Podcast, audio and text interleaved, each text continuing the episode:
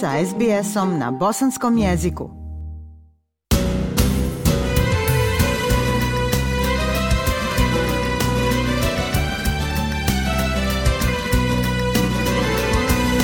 Slušate program SBS radija na bosanskom.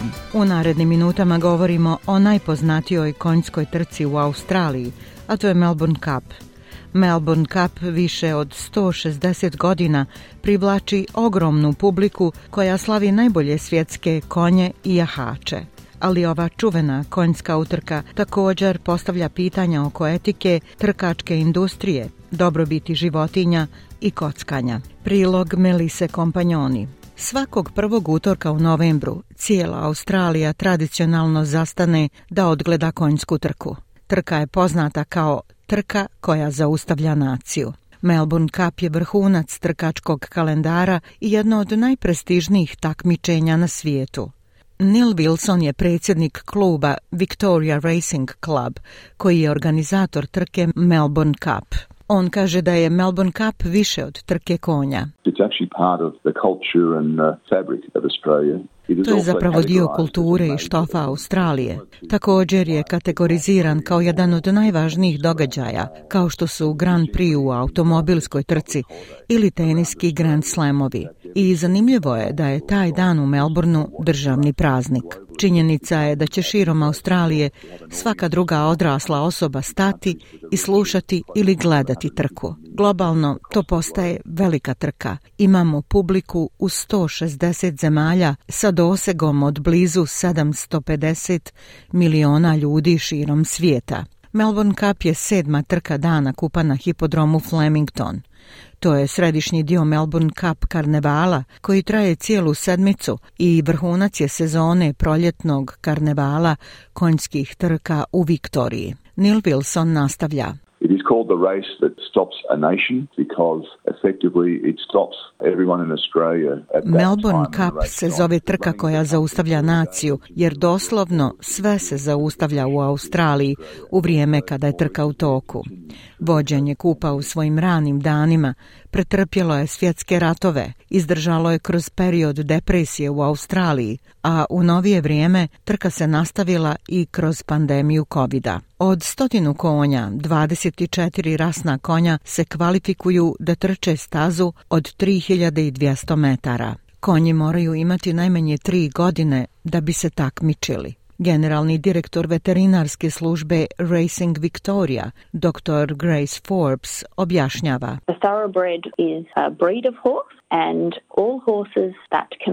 Čistokrvni konji su rasni konji i svi koji se takmiče u rasnim konjskim trkama moraju biti registrovani u Australijskoj matičnoj knjizi od rođenja. Ne razlikuju se možda od pasa koji se takmiče na izložbama pasa. Oni moraju biti registrovani u matičnoj knjizi da bi potvrdili svoje porijeklo. Melbourne Cup je takozvana handicap trka, ali u kojoj su svi jednako podesni za trku. Konji nose dodatnu težinu u zavisnosti od njihove početne težine, starosti, džokeja i na osnovu prethodnih performansi.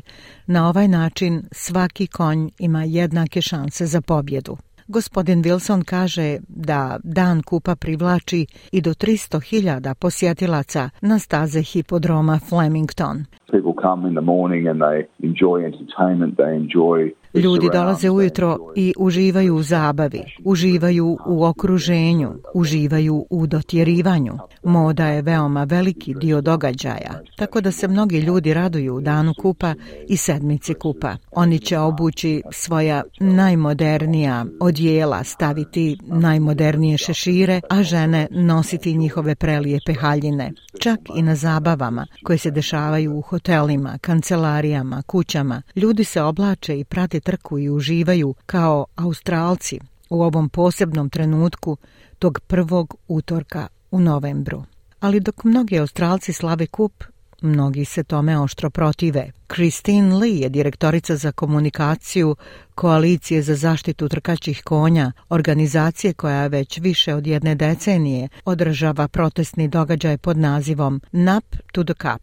Melbourne Cup is often seen as a day where we get together and celebrate, but what we're celebrating is wrong. Melbourne Cup se često doživljava kao dan kada se okupljamo i slavimo, ali ono što slavimo je pogrešno. Godinama su konjske trke dovedene u pitanje zbog tretmana i eksploatacije životinja. Industrija se suočila sa ispitivanjem u vezi sa dobrobiti životinja, procesima uzgoja i okrutnim praksama obuke. Također, postoje etička razmatranja o tome kako tehnike trkanja i bičevanja utiču na životinje, kao i čestih eutanazija ozlijeđenih konja. Gospodja Li nastavlja. Problem nije Melbourne Cup, Problem su konjske trke općenito. Kada koristite životinje za zabavu i zaradu od kockanja, uvijek će biti bola i patnje jer se na njih gleda kao na mašine za zarađivanje novca. Kup je jedna od najbogatijih trka na svijetu. U 2022. godini nagrada je vrijedna 8 miliona dolara. Pobjednik dobija 4 miliona dolara i trofej od 250 hiljada dolara.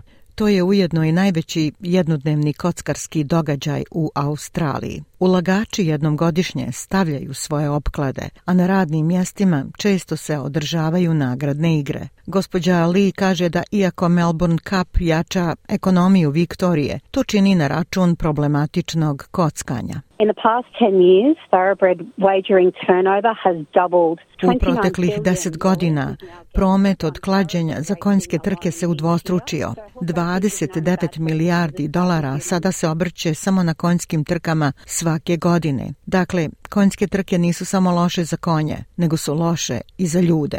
Koalicija za zaštitu trkačih konja već godinama dokumentuje godišnje brojke smrtnih slučajeva na stazi. U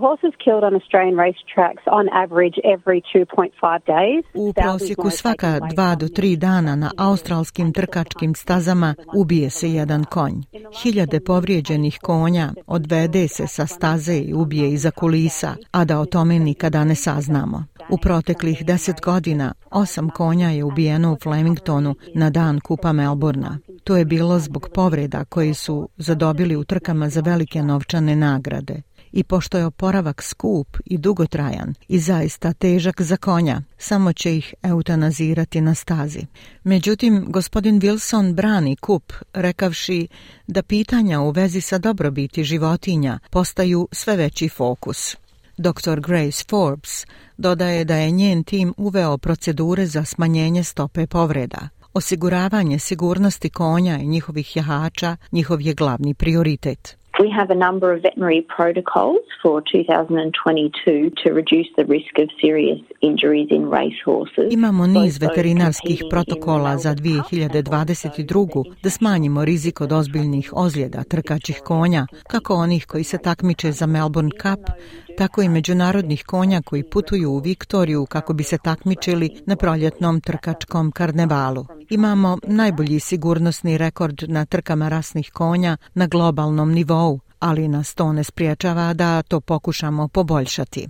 Stres frakture su najčešće ozljede koje se vide kod konja, poput onih kod sportista. Dr. Forbes kaže da je rano otkrivanje ključno. One of the ways that we go about detecting injuries at an early stage Jedan od načina na koji otkrivamo ozljede u ranoj fazi je korištenje našeg naprednog dijagnostičkog snimanja. Racing Victoria je u saradnji sa državnom vladom kupio prvi stojeći CT skener za konje. City skeniranje bilo je prilično teško izvesti kod konja jer su zahtijevali da konj dobije opštu anesteziju. Sa ovom novom mašinom možemo izvršiti vrlo detaljna skeniranja dok stoje i dok su budni, a to je i vrlo brzo. Skeniranje tijela u stojećem stavu sada je uslov za svakog konja prije takmičenja na proljetnom trkačkom karnevalu. Međutim, Koalicija za zaštitu trkaćih konja insistira na tome da postoje alternativni načini da se ljudi lijepo oblače i dobro provedu, bez okrutnosti prema životinjama ili kockanja. We can still celebrate animals and coming together and having fundraisers and all sorts of things to their benefit. Još uvijek možemo slaviti životinje, okupljati se i prikupljati sredstva u njihovu korist. Bez obzira na vaš stav, Melbourne Cup je dio australijske historije i kulture,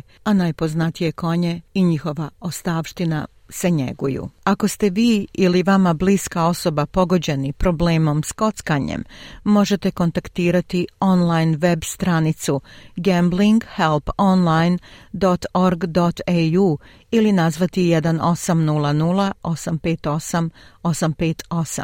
Također možete pozvati Lifeline na 131114. Ja sam Aisha Hadži Ahmetović. Ostanite uz program SBS radija na bosanskom jeziku. Like, share, comment. Pratite SBS Bosnian na Facebooku.